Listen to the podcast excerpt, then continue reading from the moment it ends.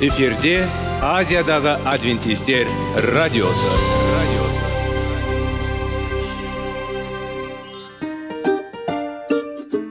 Сәлем достар. Денсаулық өмір бұлағы және біздің бірінші байлығымыз демекші денсаулық сағаты рубрикасына қош келдіңіздер. Біздің рубрикада біз әртүрлі факторларменен мәліметтерменен кеңестерменен бөлісіп шын жүректен сіздердің дендеріңіз сау болғанын қалаймыз. Сол үшін біздің рубрикаға қош келдіңіздер. Дайындалып тұрыңыздар. Өйткені келесі минуттарда қызықты фактілерге ие боласыздар. Енді достар ең бірінші байлығымызды қолымызға алып алға кеттік.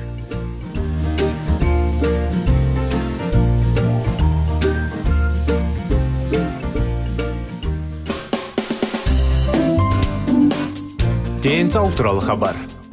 Денсаулықтың ашылуы. Күн сайын сөз үшін күшті кеңестер соңғы жаңалықтар қызықты факторлар. Біздің рубрикада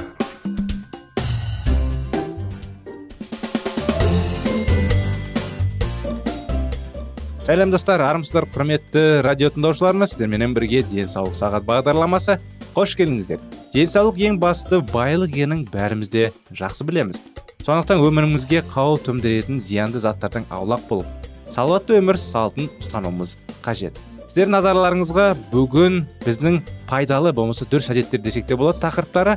Бүгінгі күнге арналған тақырып тамақ ішкен уақытта тамақ ішетін кезінде су ішпеу әдеті. Сондықтан жалғастыра кетсек сіз бір мезгілде тамақ ішіп ішкен кезде денеңізге не болып жатқанын сұрадыңыз ба? Жақсы немесе жаман ба? Талқылап көрейікші. Сусыз тамақ ішу кезінде бізге не ішу керек? Адам күніне шамамен үш жарым төрт литр су ішу керек.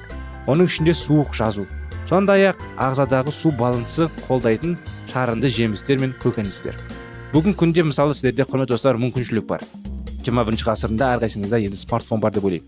Әрине кей кезде үлкен кісілерде де мысалы автобуста кетіп бара үлкен кісілерде де қолында смартфон планшетті ұстағандарын көргенмін.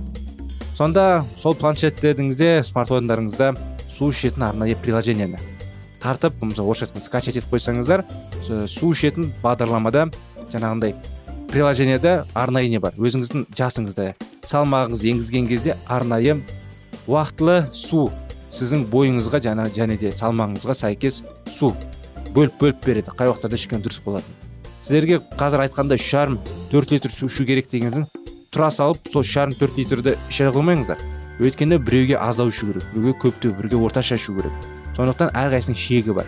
Шектен алып тастап кетпейік дұрыс ойлап дұрыс тыңдап енгірейік құрметті достар. Сондықтан адам күніне шамамен үш жарым төрт литр ішу керек дегенің оның ішінде сұйық жазу. Сондай ақ ағзадағы су балансы қолдайтын шырынды жемістер мен көкөністер. Тамақ ішер алдында ас қорытуды жақсарту үшін стақан су ішу керек. Керісінше тамақтан кейін немесе тамақ кезінде су ішуге болмайды. Өйткені ол асқазан шыңының сұйылтады және ас қорыту процесін боялдатады егер ас қорыту нашар болса ағзаның тағамның барлық пайдалы қасиеттерді ала алмайтын білдіреді мықты денсаулық үшін ас қорыту қажет әрине құрметті достар бұл бірінші кездерде сіздерге қиын болып болмаса мен түйіліп қаламын ғой аузым бәрі кеуіп қалады ғой қалай сусыз әсіресе біз қазақпыз болған соң шайсыз қалай мен шай ішпеймін дегендей мінез әрине ой пайда болады оның бәрі уақытша құрметті достар оның бәрі уақытша. Әрине оған бәріне үйренесіздер. Кейін су ішпей шай ішпей тек қана тамақ ішіп басқа уақыттарда тамақтан бөлек уақытта арнайы уақытта су ішіп үйреніп қаласыздар.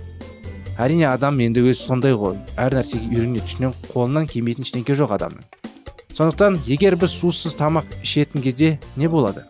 Жалпы ас қорыту процесі бұл тағамды одан әрі сіңіру және сіңіру үшін қажетті. Ағзаға қажетті қоректік заттардың қанға түсуіне қажетті ұсақ компоненттерге ыдырату процесі. Бұл жеуге және ішуге біршінша баршынша қуат пен жайлылық алу үшін де кейбір аурулардың тәуекелін төмендетуге көмектесу үшін де маңызды. Егер біз дұрыс тамақтану ережелерін сақтасақ және тамақтан кейін ішпесек ас қорыту қиындықсыз болады. Бұл сыйып келгенде біздің денеміздің денсаулығына жағымды әсер етеді. Егер тамақ ішу кезінде су ішсе не болады? Тамақ кезінде немесе тамақтан кейін су ішу сілекейдің тамаққа әсерін әлсіретеді адамның сілекейі тамақты ауызда қайнату процесін бастайды. Ал егер біз тамақ ішсек сілекей сумен араластырылады және ас қорытудың осы кезең өтеді. Одан әрі су ас қорыту шырындарын сұйылтады. Қорытуға арналған пайдалы заттарды алып тастайды. Ас қорыту ферменттердің ас қорыту ферменттердің концентрациясын төмендетеді. Бұл өз кезегінде ас қорыту бояулатады және қиындатады. Нәтижесінде асқазан шырындармен өнделмеген тамақ асқазанда қорытудың қажеті салыстыратының өтпейді. Ас қорыту жүйесінің төменгі бөлімдеріне түседі.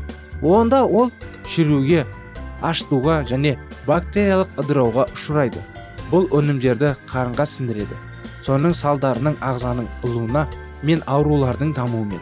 Сонымен қатар тамақтанғанда дұрыс емес әдеттер ас қорыту процесіне бұзылулардың көзі болып табылады. Ас қорыту жолдарының ауру уақыты келгенде.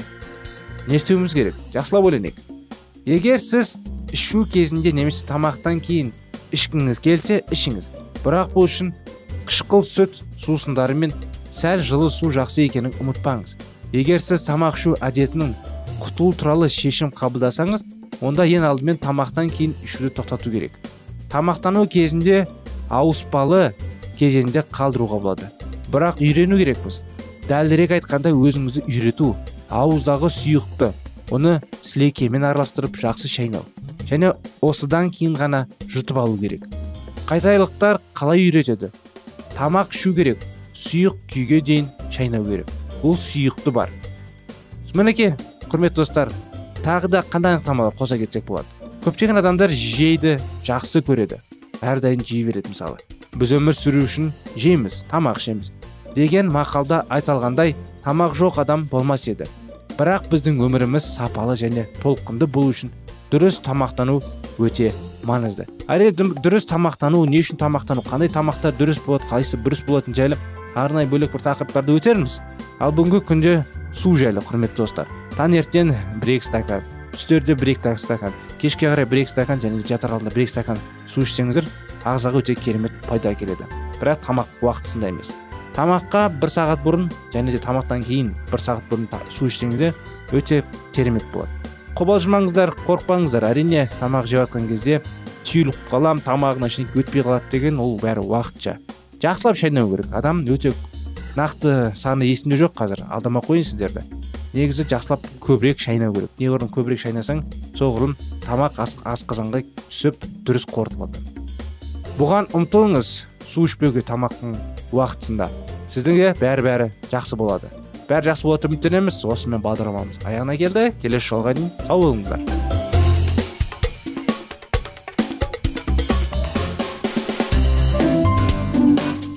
Денсаулық туралы хабар. Денсаулықтың ашылуы.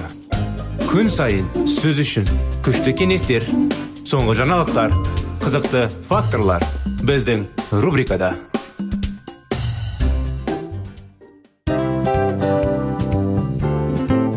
Әуелі байлық денсаулық екінші байлық он саулық үшінші байлық ақ жаулық. Ал енді осындай радио парақшадан кейін не дейміз? Барлықтарыңызға денсаулықтарыңыз зор болсын деп тілейміз. Денсаулықтың өзгеруі кішкентай нәрселерден басталады. Осымен біз берген кеңестер мен мәліметтер шын жүректен сіздер үшін қандай да бір болсын жәрдем берді деп үміттенеміз. Тыңдаушыларымызбен келесі радио парақшасына дейін қоштассамыз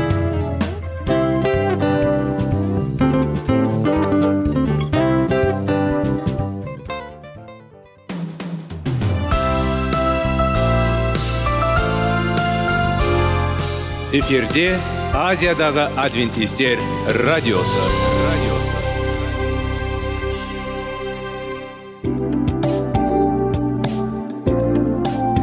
сәлем достар. Барлықтарыңызға шын жүректен сөйлесек рубрикасына қош келдіңіздер деп айтпақшымыз. Шын жүректен сөйлесек бағдарламасы әртүрлі қызықты тақырыптарға арналған. Шындығында шын жүректен сөйлесек деген сөздің мағынасы екі достың екі адамның ортасындағы шын жүрекпен сөйлесуі бір біріне сенуі ашықтық пен шындықты білдіреді. Сол үшін біздің бағдарламалар әртүрлі қызықты тақырыптарға арналған. Дайындалыңыз жаңа қызықты мәліметтерге ие болуға. Ондай болса кеттік.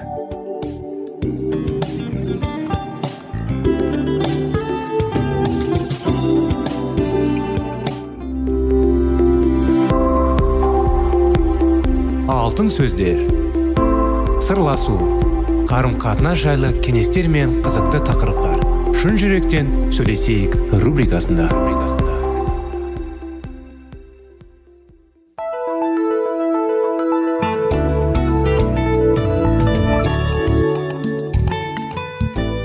Сәлем достар армысыздар. Біздің құрметті радио тыңдаушыларымыз сіздермен бірге сіздер назарларыңызға шын жүректен сөйлесейік бағдарламасы. Шектеулер шектеулер. Кітаптерін жалғастырудамыз. Өткен желі кен мен барри жайлы оқиғаны бастап кеткен едік. Соны жалғастыра кетсек барри неге кеннің айтқанына бас тартпады? Оның жүрегінің түкпіріндегі он ниеті қандай болды? Оның жүрегінде қорқыныш болды. Барри кеннің тарапының тауындауы мүмкін. Қиыншылықтардан қорқады. Өзге адамдармен қарым қатынасын бұзып алудан қауіптенген ол кеннің айтқанына бас тарта алмады. Бұл неліктен маңызды? Өйткені бұл іштей. Айтқан жоқ. Сырттай айтқан иә. Сөзінің құнын түсіреді және киелі кітаптың ұстанымдары бейнелеп көрсетіледі. Құдайдың біздің сырттай келісімімізден. Келісімімізден гөрі жүрегіміздің жағдайы көбірек мазалайды. Мен өздерінен құрбандық шалғандарынан гөрі берік мейірімділік көрсеткендеріңді қалаймын. Құрбандықтардың етін өртеп ұсынғандарынан гөрі мені құдайды жақыннан танып сүйгендеріңді ұнатамын дейді киелі кітапта басқаша айтқанда іштей қарсы бола тұра. Иә дәу арқылы біз келісушілік ұстанамын ұстанамыз. Бұл өтірік айтқанмен бірдей.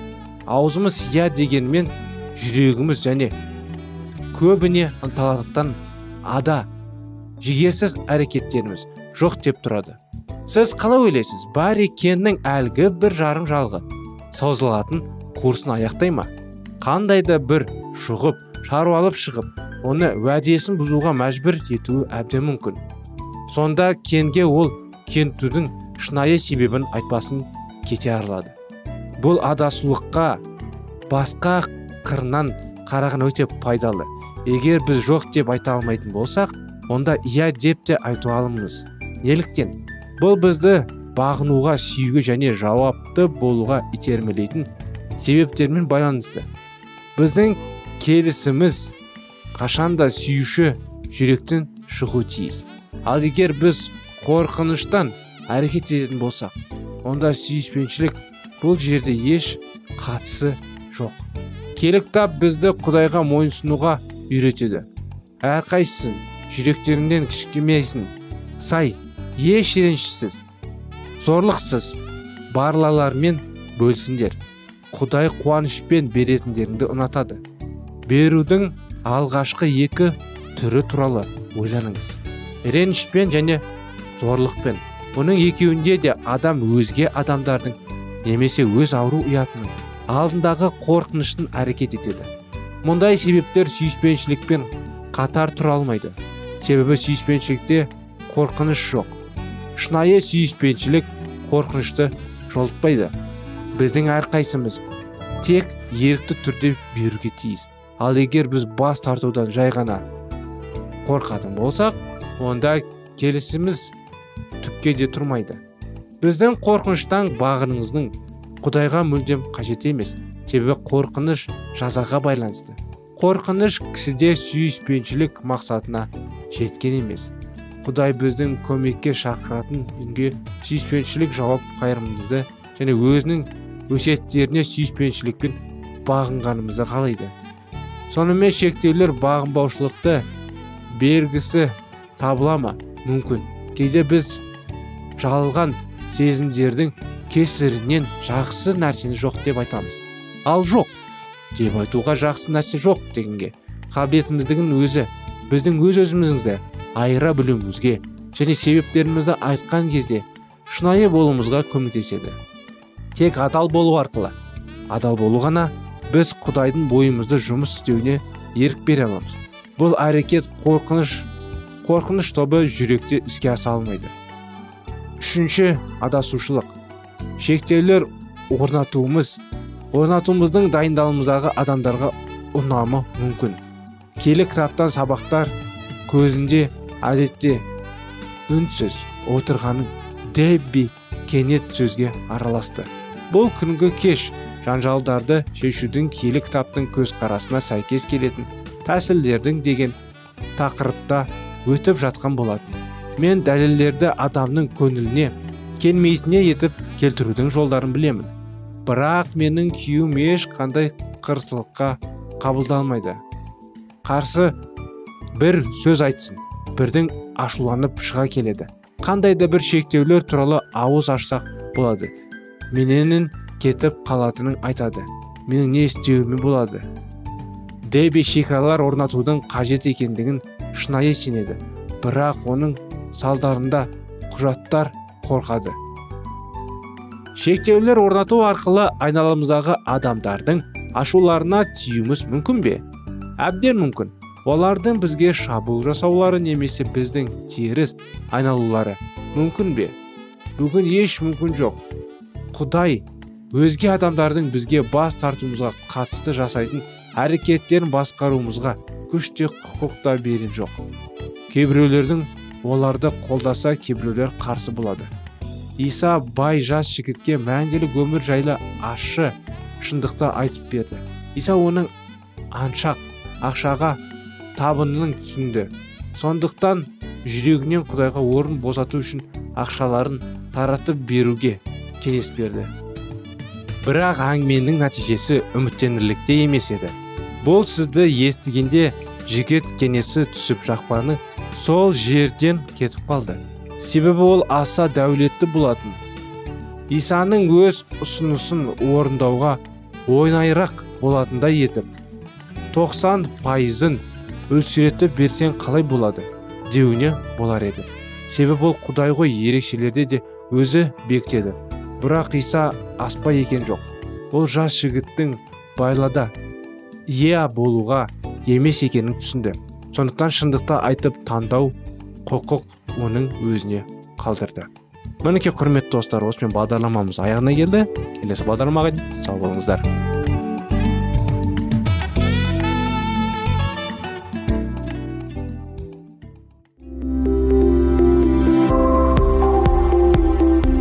Алтын сөздер. Сырласу қарым қатынас жайлы кеңестер мен қызықты тақырыптар. Шын жүректен сөйлесейік рубрикасында.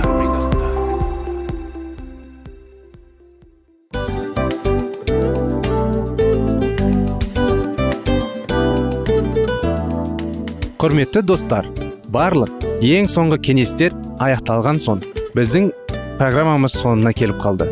Осы біздің мәліметтер осы рубрикада айтылған әрбір сөздер сіздерге өзінің қандай да бір пайдасын алып келді деп шын жүректен сенеміз. Және бұдан да көптеген рубрикаларымыз бар. Басқа рубрикаларымызда біздің зерттеулерімізде сіздер үшін тағы да қызықты мәліметтер дайын. Біздің шын жүректен сөйлесейік парақшамызда көптеген әдістер ең соңғы кеңестер адамның нравственность жақтан моральдық жақтан тазалап байыта тұрған соңғы кеңестердің барлығын жанарады. сондықтан алдыңғы күндерде бізбен бірге болыңыздар. Өйткені барлық қызықтар алдыда. Бізбенен бірге болғандарыңызға үлкен рахмет. Келесі кездескенімізше сау сәлемет болыңыздар.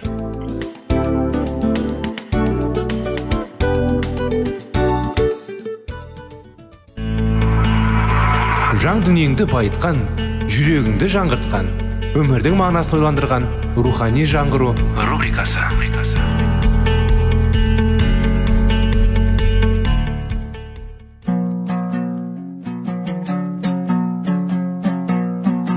Ассалаумағалейкум біздің тыңдаушыларымыз. Келі кітаптың шындығын ашып берген қысқа бағдарламасына қош келдіңіздер. Барлығынан жоғары жаратушы біздің қарыңғылықта жалғыз қалдырып қойған емес. Өйткені ол келешекте не болу керек екенін киелі кітаптың парақтарында ашып береді.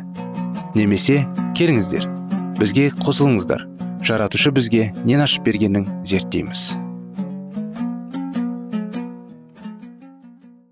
Бүкіл мадаққа лайықты бүкіл жаратқан жерді жаратқан иеміз. Сәлеметсіздер ме армысыздар құрметті біздің тыңдаушыларымыз біздің достарымыз? Біздің рухани жаңғыру бағдарламасына қош келдіңіздер деп айтамыз сіздерге. Әрине әдеттегідей мүмкін біздің жаңағы бағдарламамызға қосылып жатқан тыңдаушыларымыз болса сіздерге де сәлем жолдаймыз. Неліктен өйткені көп адамдар енді жаңадан қосылып не бағдарлама қандай бағдарлама деп білмей басқа қалай енді басқа эфирге ауысып кетуі мүмкін ғой. Сондықтан сіздерге біздің бағдарламада қалыңыздар деп өтінеміз. Өйткені біздің бағдарлама рухани жаңғыру жайлы. Рухани тақырыптарды өтеміз. Қызық қызықты қызықты бұдан да басқа тақырыптарымыз да бар біздің бағдарламамыз бар әрине. Сондықтан бұл бағдарламада сіздерде жаңағы рухани қалай енді кітаптар айтамыз оқимыз талдаймыз кеңестер қабылдаймыз және де жаңағы диалогтар жүргізіледі. Қазіргі біз өтіп талдап жатқан кітабымыз жаратушыға апарар жол деген. Өткен жолы біз жаңағы күнәнің қаяқтан пайда болған күнә жайлы күнәні мойындау жайлы тәубеге келу жайлы өткен едік та. Сонымен қазір жалғасында жалғасуда біздің кішігірім енді кітаптың тақырыбы өзіңді арнау жайлы. Жаңа жазушыға апаратын жолдың ішінде тағы бір тақырып бар ғой енді. Бөлік бөліктер. Өткен жерлі тәубеге келу жайлы айттық. Қазір енді өзіңді арнау жайлы. Сонымен ал енді кірісейік. Құдай уәдесінде былай деген. Іздеңдер мені. Егер шын жүректерімен іздесеңдер мені табасыңдар дейді. Иеремия кітабында жиырма тоғызыншы тарауында он үшінші аятында. Біздің жаратушы еге толық қайтарым беруіміз күрделікті. Ол үшін біздің ізімізде ісімізде болмысымызда өзгерістер болу керек. Және ол өзгерістердің барысында біздердің оған ұқсасымыз толығынан қалпына келу шарт. Біздің табиғи қасиеттерімізде құдайдан шеттеп жатынсу сияқты қалып бар. Келі рух біздің осындай жай күйімізде былай деп суреттейді. Күнә жасай бергендіктен рухани өлі едіңдер. Басы түлгілері жара. Жүректері әлсіз шау сау жері жоқ. Шайтан сендерді өз тұзғынына түсіріп өзінде еркінде ұстанды. Жаратушы ие бізді ауруымыздан айықтырып азат етіп жібергісі келеді. Бұл үшін біз табиғи жаратымыздағы түбелі түрде жанықтап қайта өзгертіп құдайға мойын ұсынуымыз қажет. Өзімшілдегі мен тәкаппарлығына қарсы күресу адамзат баласының бастарынан өткерген қандай да бір жекпе жектерінің ішіндегі ең ұлысы болмақ.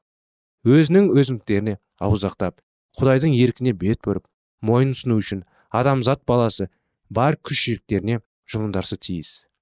Жаратушы еге шын ниетімен берілменше келіндек жағдайына жанаша өмір сүру мүмкін емес.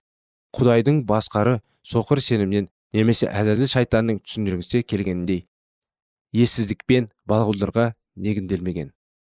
Жаратушы өзінің пенделерін ақылды да парасатты ар ожданы таза болуға шақырады. Құдай адамдарға келіңдер мәселелеріңді талқылап шындығын жетейік деп ұсынысын жасайды. Жаратушы бізді өзінің еркіне зорлықпен бағындыруға тырыспайды. Тек өз еркімен салиқалы да парасатты түрде болған мойынсұнуға ғана қабыл алады. Еріксіз зорлықпен мойынсұну адамды ақыл оймен рухани жан дүниесін жан жақты даму мүмкіндігінен айырып роботқа адам сияқты жұмыс істей алатын автоматқа айналдыра жібереді. Бұл жаратушының еркіне қарама қайшы келетін іс. Көктегі әкеміз өзінің даңқы жасампыздық істерінше бірі аяқталған іс адамзат болсын дамыту ең жоғарғы сатасын көргісі келеді. Ол бізді өзінің мейірлі шапағатымен жарылқап бізге нұр жауып берекелі өмір сыйлағысы келеді. Біздің болымсыздың өзгертіп өзі жоспарындағы түпкі ой ниетін іске асыру үшін біздің өзіне толығымен беріліп отырып бағынуымызды жөн көреді.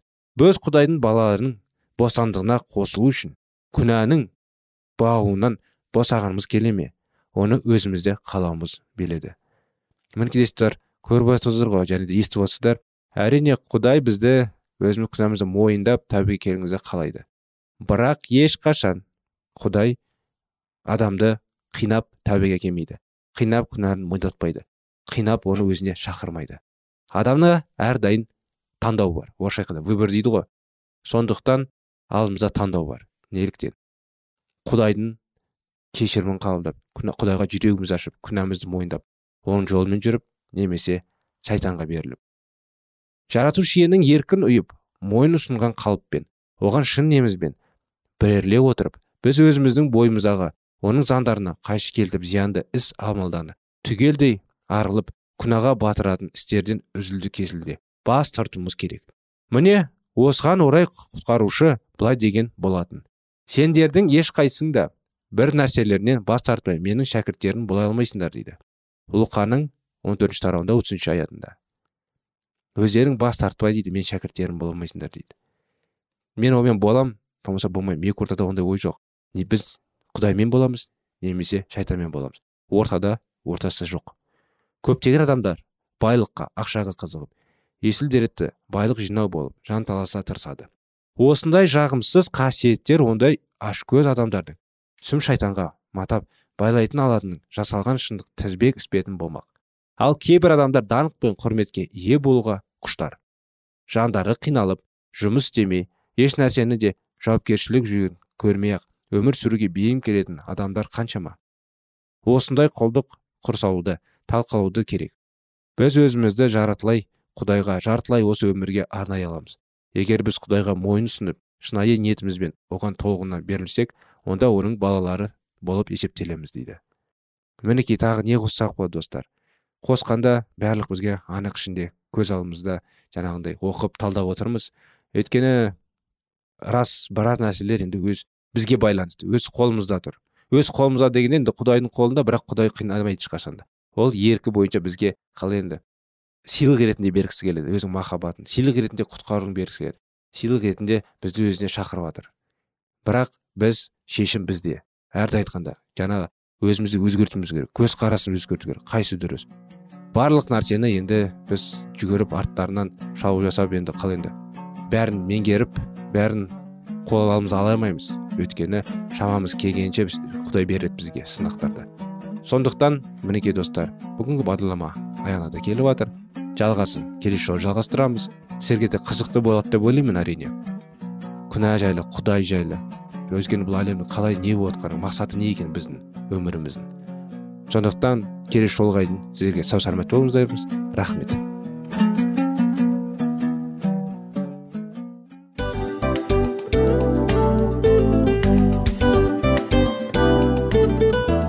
Мынау осы уақыт тез өтіп кетеді екен. Біздің бүгінгі рубрикалардың аяғына да келіп жеттік. Ақпаратымызды парақшамызды қазір ғана бастаған сияқты едік. Соңында да келіп қалдық. Уақыт деген тегі білінбей өтіп кетеді екен. Бүгінгі 24 сағаттың алтындай жарты сағатын бізге бөліп арнаған үшін рахмет. Егерде өткен сфераларда пайдалы кеңес алған болсаңыз біз өзіміздің мақсатқа жеткеніміз. Кеңестерді қолданам десеңіз өзгерістерді кішкентай қадамдардан бастап іске асыра беріңіздер де жасағандарыңыз үлкен үлкен жетістіктерге жете берсін. Шын жүректен әрбір берілген кеңестер сөздер сіздерге пайдасын әкеледі деп сенеміз. Сіздермен бірге кездесулерімізді сөзсіз түрде асыға күтеміз.